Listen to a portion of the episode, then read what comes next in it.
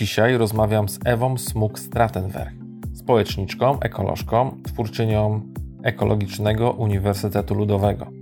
Porozmawiamy o troszkę innych obliczach edukacji i troszkę innych kontekstach od tych, które zazwyczaj mamy okazję obserwować z perspektywy dużego miasta.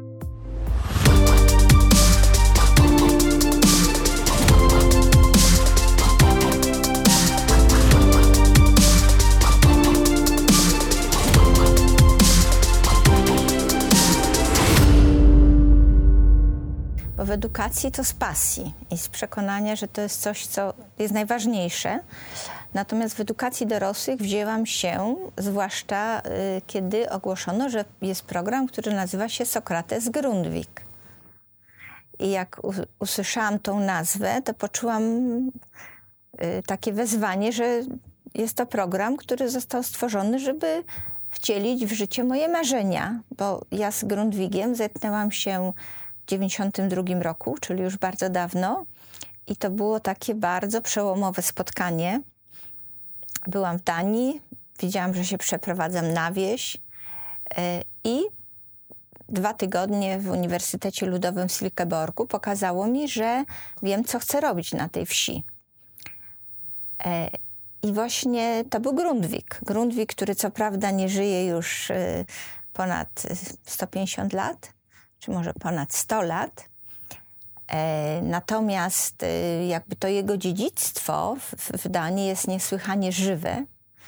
E, nawet mieliśmy taki kiedyś eksperyment, że warsztaty, wychodziliśmy na, ulicy, na ulicę Kopenhagi, pytaliśmy się mieszkańców, kto to jest Grundvik. I wszyscy wiedzieli, a jak ktoś nie wiedział, to drugie pytanie było, a skąd pan jest? I okazywało się, że to jest cudzoziemiec. Czyli Grundvik jest postacią naprawdę chyba jedną z najważniejszych w dziejach tego małego kraju. A dla mnie stał się ważny, kiedy y, dostrzegłam mm, jego, jego rolę, jego metodę edukacji dorosłych, y, którą nazwał y, Folkehøjskoler po, po, po duńsku, natomiast po polsku ta nazwa, która się utrwaliła, to są uniwersytety ludowe.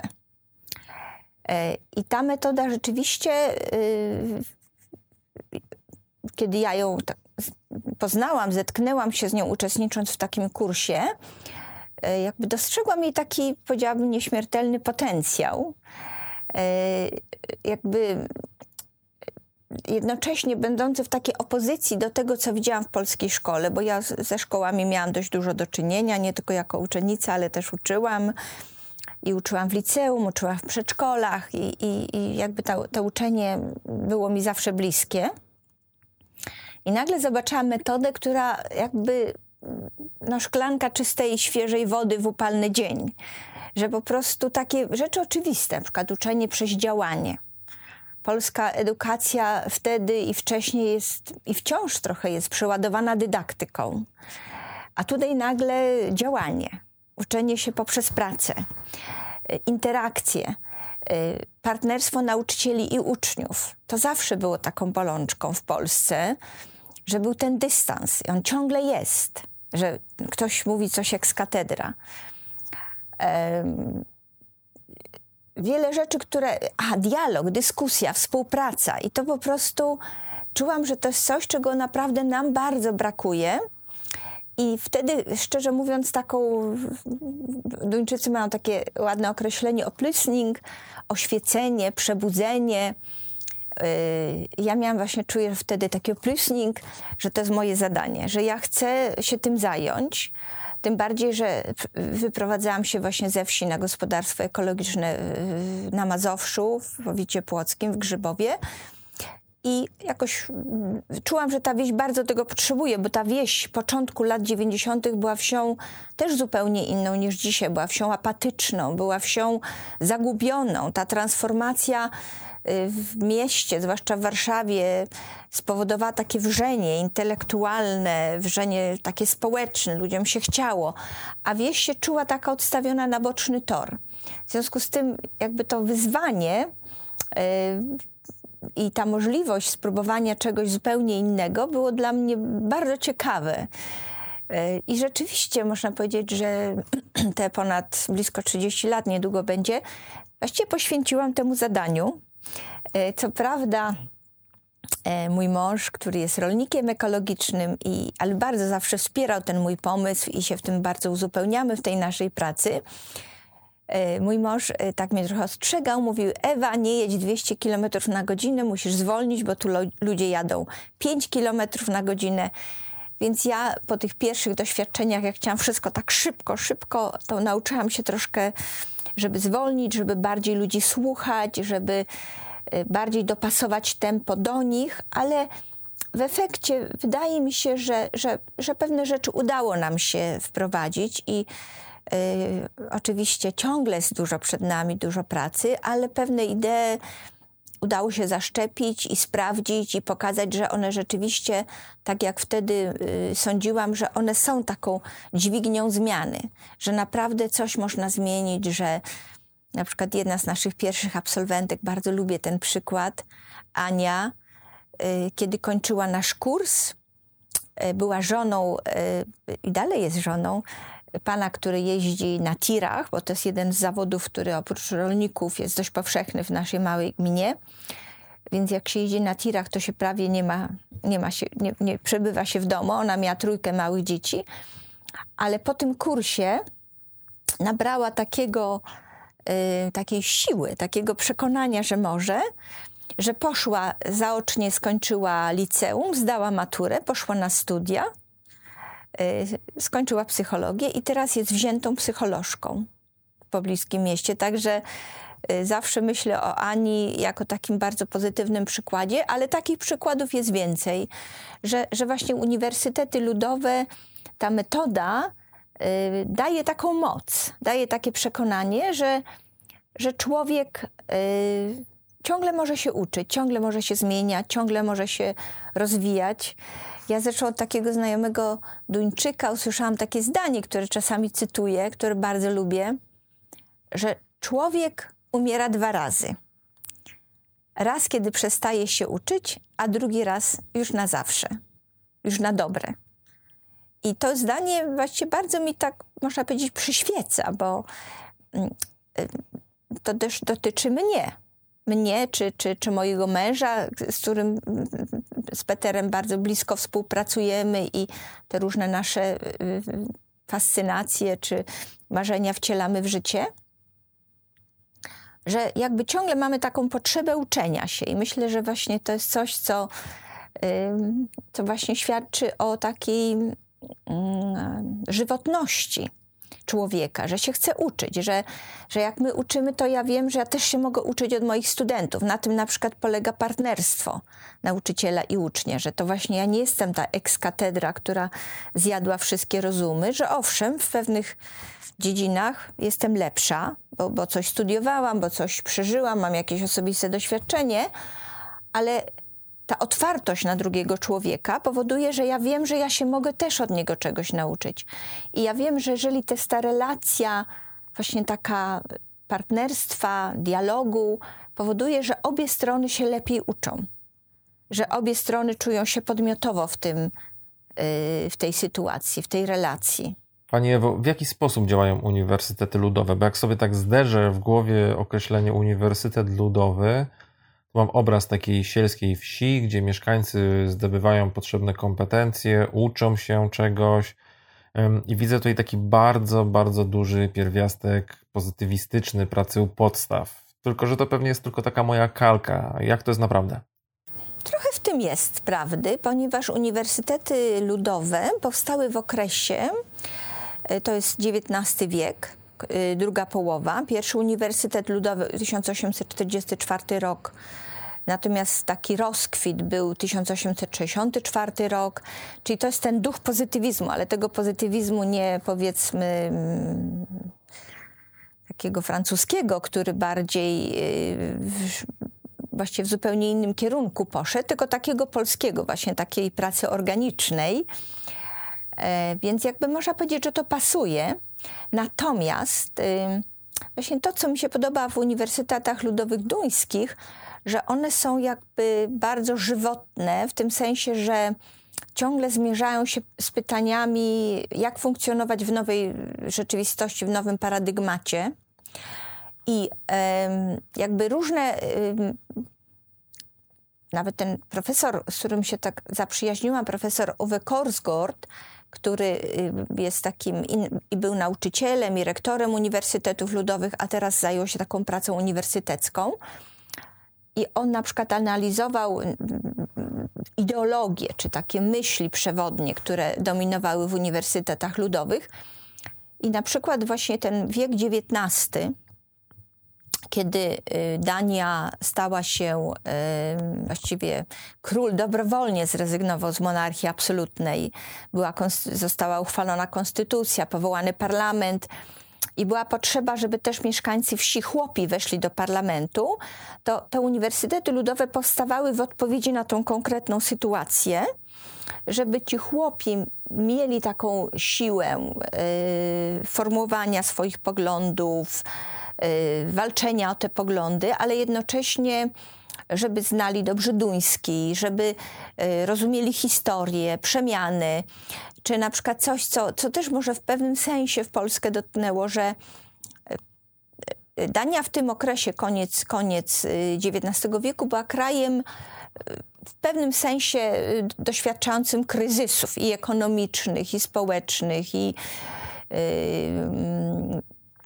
wszelakiego rodzaju e, i właściwie e, uniwersytety ludowe były pewną odpowiedzią na hasło, które ukuł e, poeta z tego okresu, że na zewnątrz upadek, a wewnątrz rozkwit.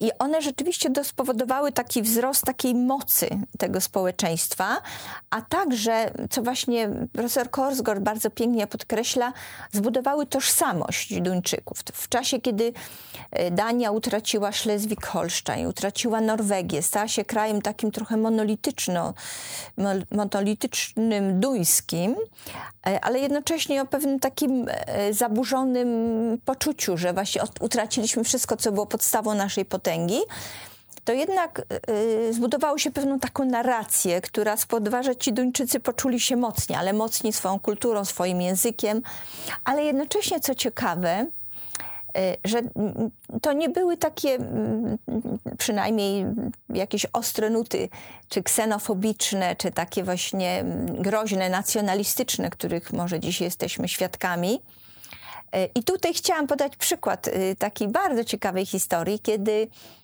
e, jest już XX wiek, uniwersytety ludowe wciąż działają, no i jest y, tragedia II wojny światowej. Duńczycy próbują być neutralni, wchodzić w jakieś sojusze z Niemcami, żeby uniknąć inwazji, ale jednak Niemcy przekraczają granice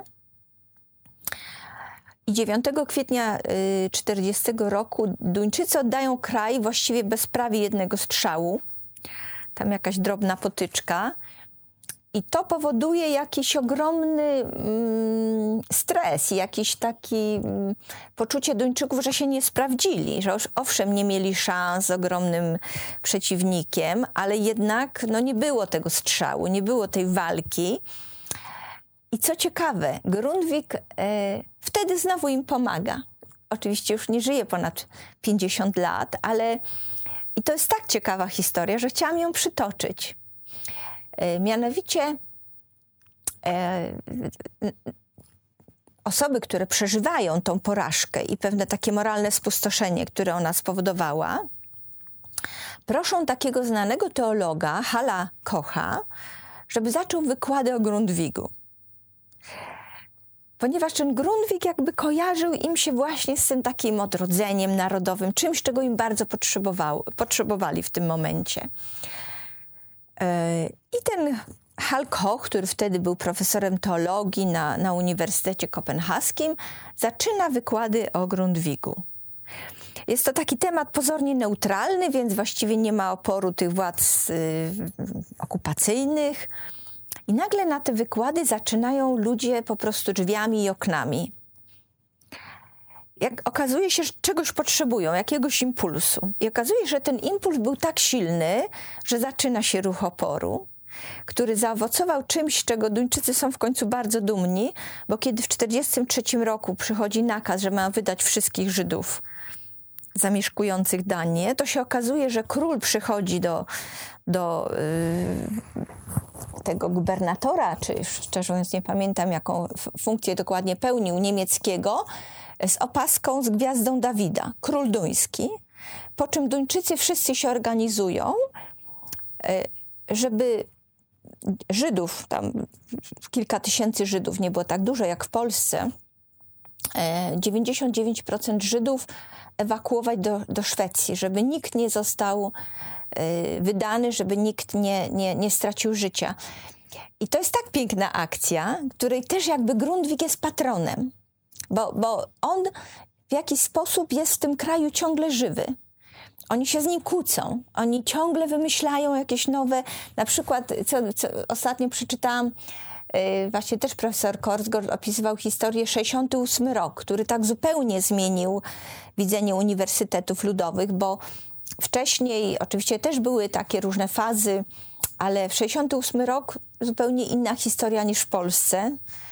Yy, tak jak na Zachodzie, taka rewolucja społeczna, obyczajowa, i wtedy nagle Duńczycy chcą wyrzucić z uniwersytetów ludowych coś, co się wydawało takim tematem przewodnim historia, literatura, żywe słowo i zastąpić zupełnie innymi przedmiotami yoga, yy, rzemiosło, yy, zupełnie inne przedmioty.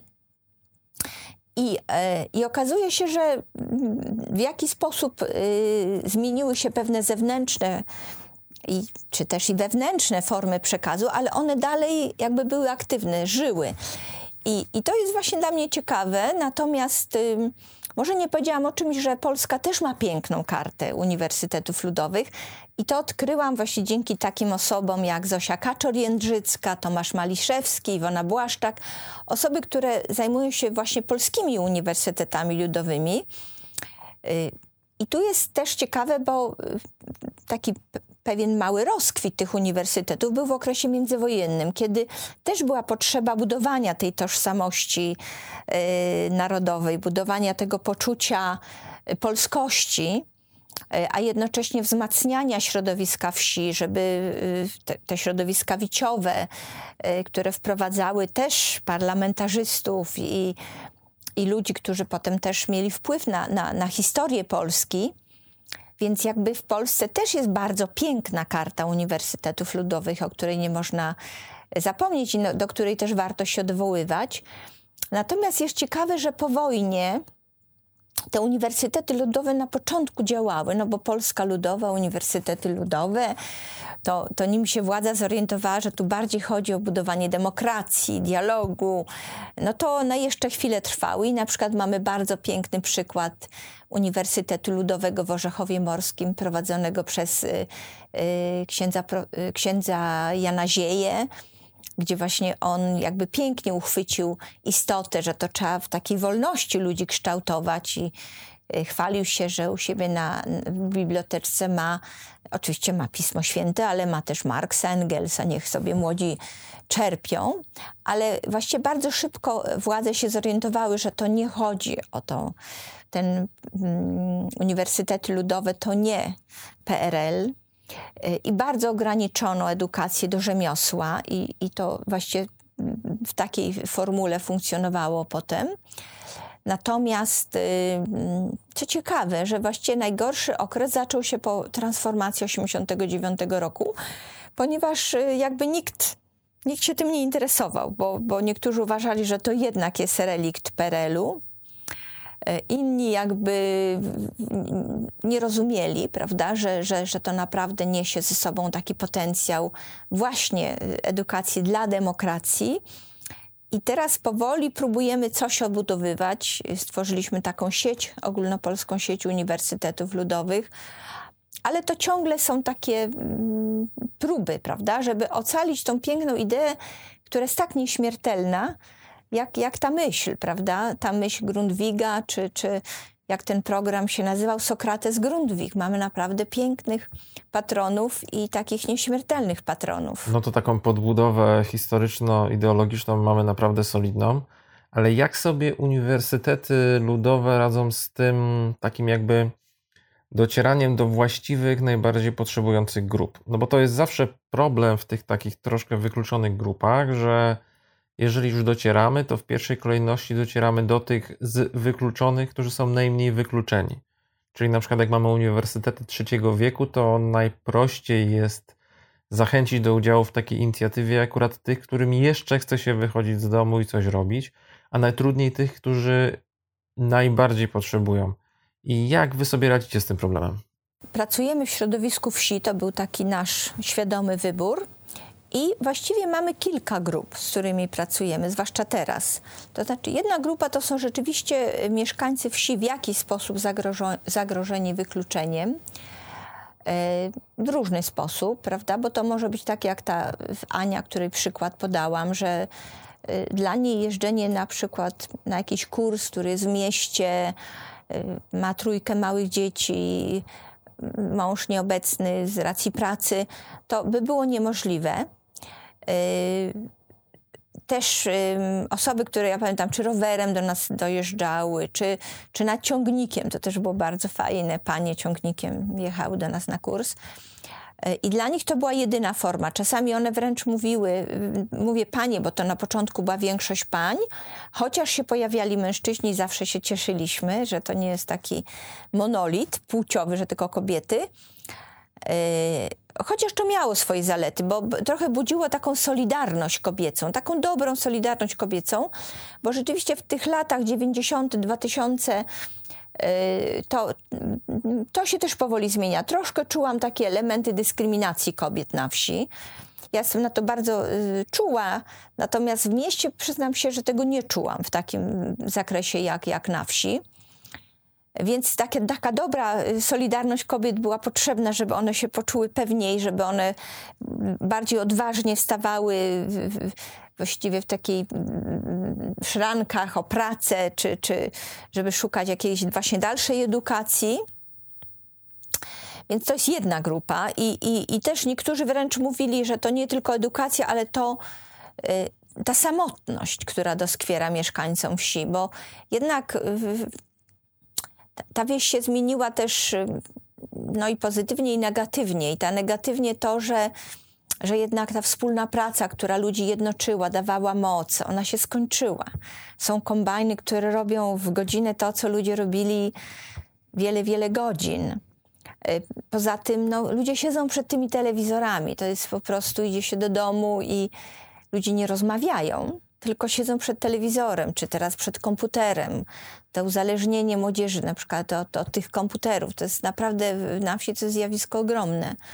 Więc to, żeby ludzi wyciągnąć, żeby wyciągnąć, żeby oni przyszli, żeby, żeby zrobić zajęcia interaktywne, nawet czasami y, włączaliśmy w program edukacji też komputery, zwłaszcza w okresie, kiedy to było takie y, wyraźnie deficytowe, ale, ale nigdy to nie był jakby główny temat. To był jakiś taki temat poboczny, który był ważny, żeby y, uczynić ich bardziej właśnie wkluczonymi, prawda, żeby umieli napisać list motywacyjny, czy umieli napisać CV, ale przede wszystkim, żeby umieli się przedstawić, żeby umieli rozmawiać, bo to jest deficyt. To jest taki problem, że, że ludzie nie umieją siebie, o sobie powiedzieć parę słów, nie umieją powiedzieć, dlaczego czym się interesują, a czym nie, albo nawet sformułować, czym się interesują.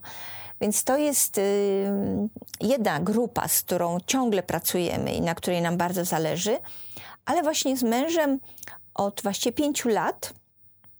I tutaj głównie y, nawet pro, program Erasmus Plus nas wspierał, ale głównym takim naszym darczyńcą była Fundacja Velux. Stworzyliśmy Ekologiczny Uniwersytet Ludowy jako właśnie takie wcielenie naszego marzenia, że chcielibyśmy jakby właśnie iść wyraźnie w kierunku ekologii, bo uważamy, że to jest temat, który naprawdę ciągle jest po macoszemu w Polsce traktowany i y, oczywiście pojawia się pewna moda, ale ta moda dotyczy pewnej grupy osób, y, już takich świadomych, wykształconych, w miarę zamożnych. Natomiast y, jest ogromna rzesza ludzi, dla których docierają media, które mówią, a ekolodzy to lewacy, to ekoterroryści, a to jest jakaś ekościema. To są nagłówki y, takich opiniotwórczych mediów, które ja mm, parę miesięcy temu analizowałam.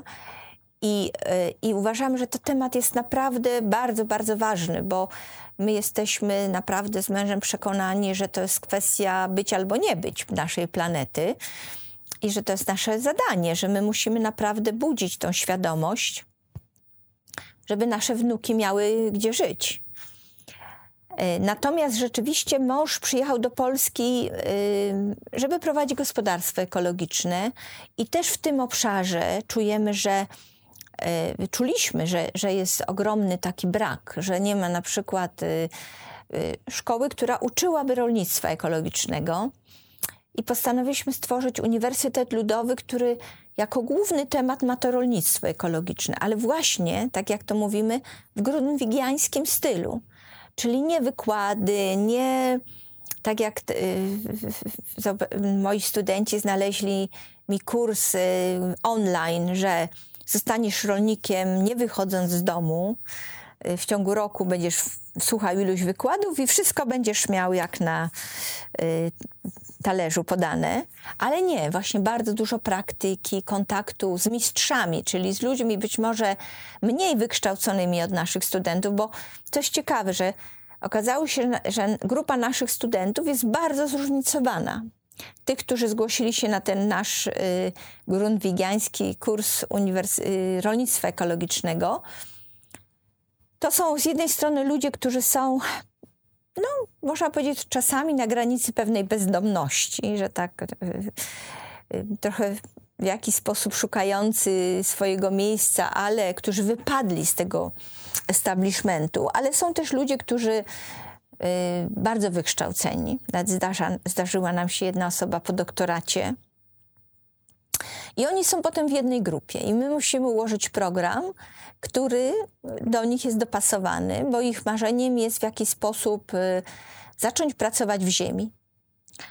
E, I właściwie to rolnictwo ekologiczne okazało się bardzo wdzięcznym tematem.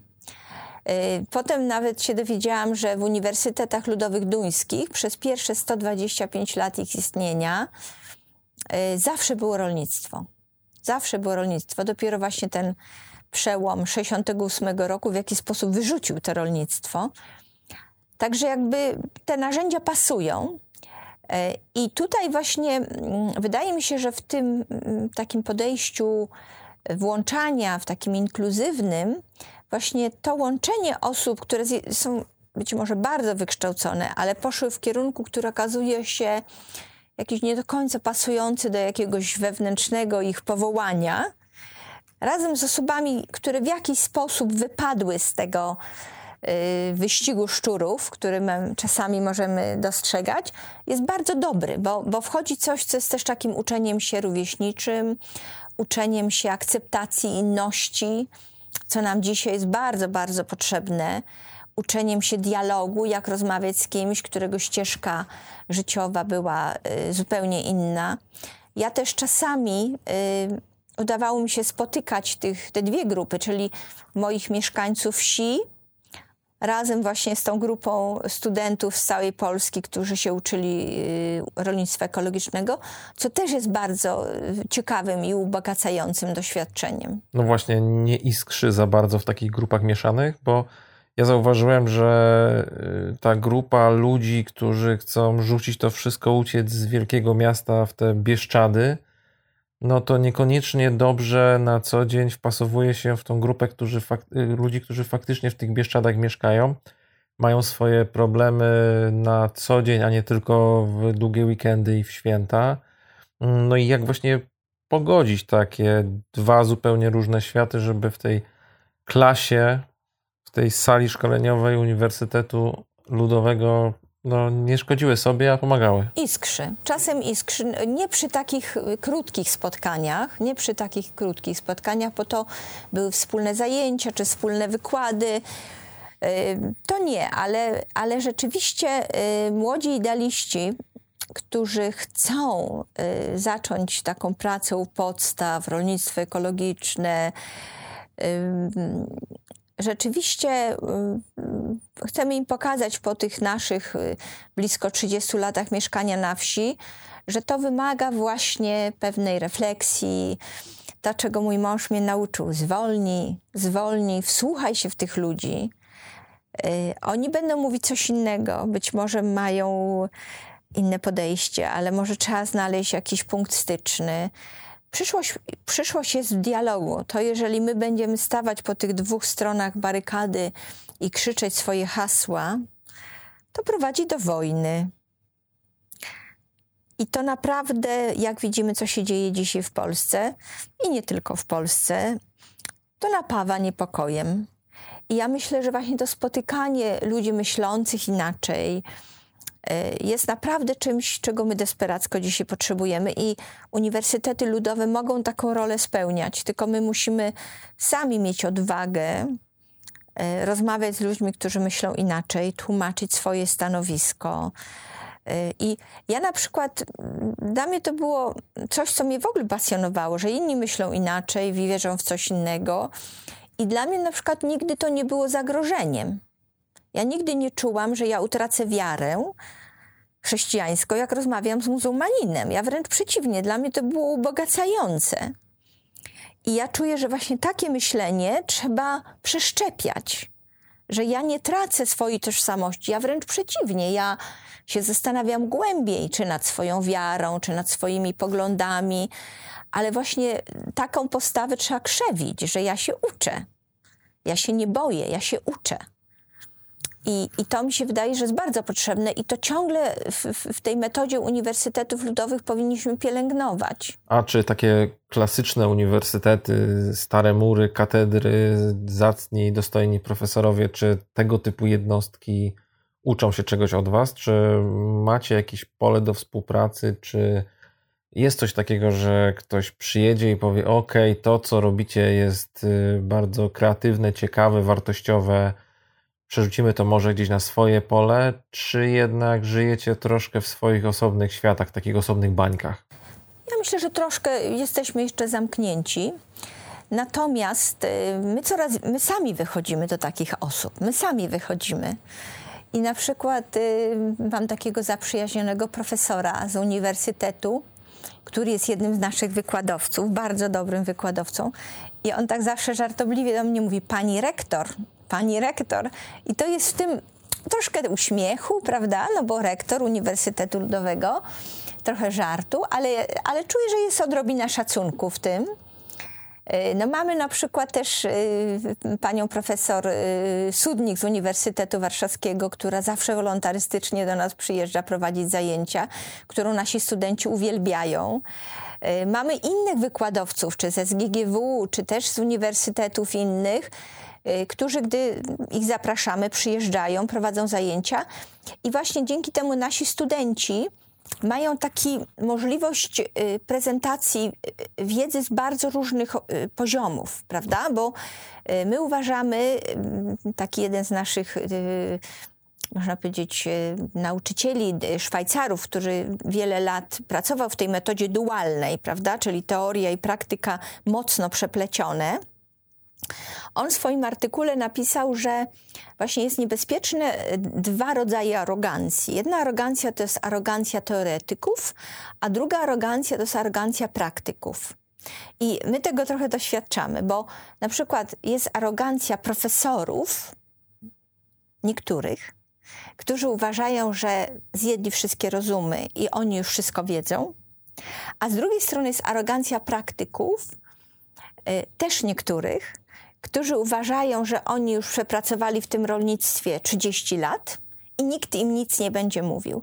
I my chcemy pokazać, że, że właśnie pewna pokora z obu stron owocuje doświadczeniem bardzo ubogacającym, bardzo uczącym, ponieważ tak naprawdę używając naszego przykładu, w rolnictwie ekologicznym wiedza teoretyczna bardzo się rozwija na całym świecie, w Polsce czasami gorzej, bo to ciągle jest niedoceniane, ale są instytuty, są badacze, którzy to, tym się zajmują. To naprawdę się rozwija.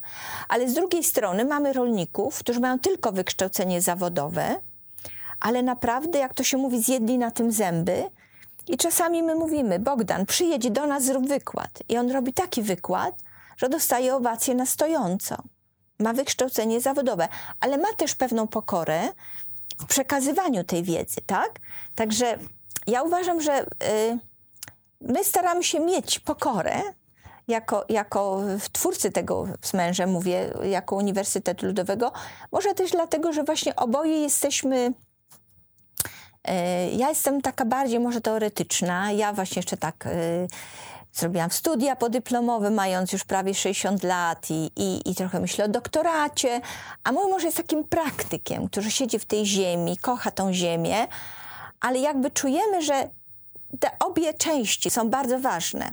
I ta praktyka, i ta teoria. I że my oboje chcemy w tych obu dziedzinach się rozwijać. A czy grozi Wam cyfryzacja? Zarówno w pozytywnym, jak i w negatywnym sensie tego słowa. No bo z jednej strony jest tak, że ciężko jest poczuć ten sens pracy organicznej przez ekran komputera czy smartfona, ale z drugiej strony jest przecież wiele osób, które no nie dojadą do Grzybowa na zajęcia, a pewnie też mogłyby spróbować. Trochę myślimy. Y, rzeczywiście te pierwsze kursy, y, jak ogłosiliśmy, zgłosiło się 200 osób. Po czym okazało się, że z tej pierwszej grupy ledwo wyłuskaliśmy 13, bo jedyny próg to była rozmowa, ale ta rozmowa uświadamiała tym ludziom, że to nie jest kurs online. Że to jest kurs, że po pierwsze są zjazdy i nie weekendowe, tylko dużo dłuższe i że żeby poznać rolnictwo, to trzeba dwa sezony przepracować w rolnictwie. To się nie da, tak? Natomiast y, myślimy o różnych innych formach.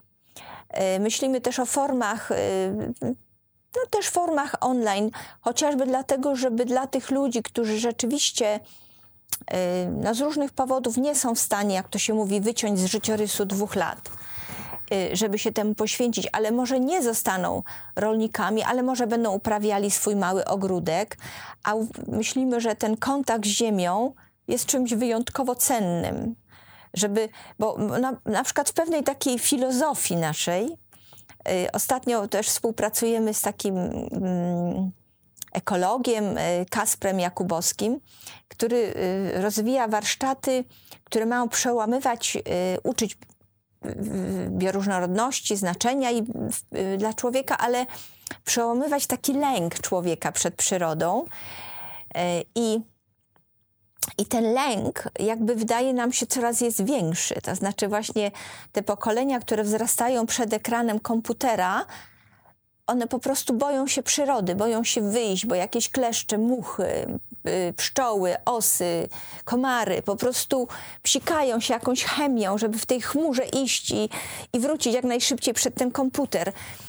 I też jakby chodzi o to, że zaszczepiać tą chęć zetknięcia się z przyrodą, tego zanurzenia rąk w ziemi i nie, żeby nie brzydzić się tej ziemi, żeby po prostu powąchać, jak ona pachnie, że to po prostu dzięki tej cieniutkiej warstwie puchnicy jest to całe życie na ziemi. Jak my będziemy tą cieniutką warstwę próchnicy zmniejszać i zmniejszać i zmniejszać, to my nie przetrwamy. Oczywiście można wszystkie wielkie mózgi pracują, żeby nas wysłać na Marsa czy gdziekolwiek, prawda? I może, ale ta piękna, błękitna planeta, może jeszcze jest jakaś szansa dla niej, ale wtedy, jeżeli my jako ludzie zrozumiemy, że to jest nasza troska i to jest taki nasz gest, że my zanurzamy tą ziemię, ręce w ziemię, prawda, że bierzemy, że wąchamy, że, że to jest coś niezwykłego, że to jest coś, co daje życie, i że to jest nasza wspólna odpowiedzialność. I jeżeli takich ludzi będzie coraz więcej, to być może będzie ta masa krytyczna, że coś się zmieni. Być może jest jeszcze nadzieja.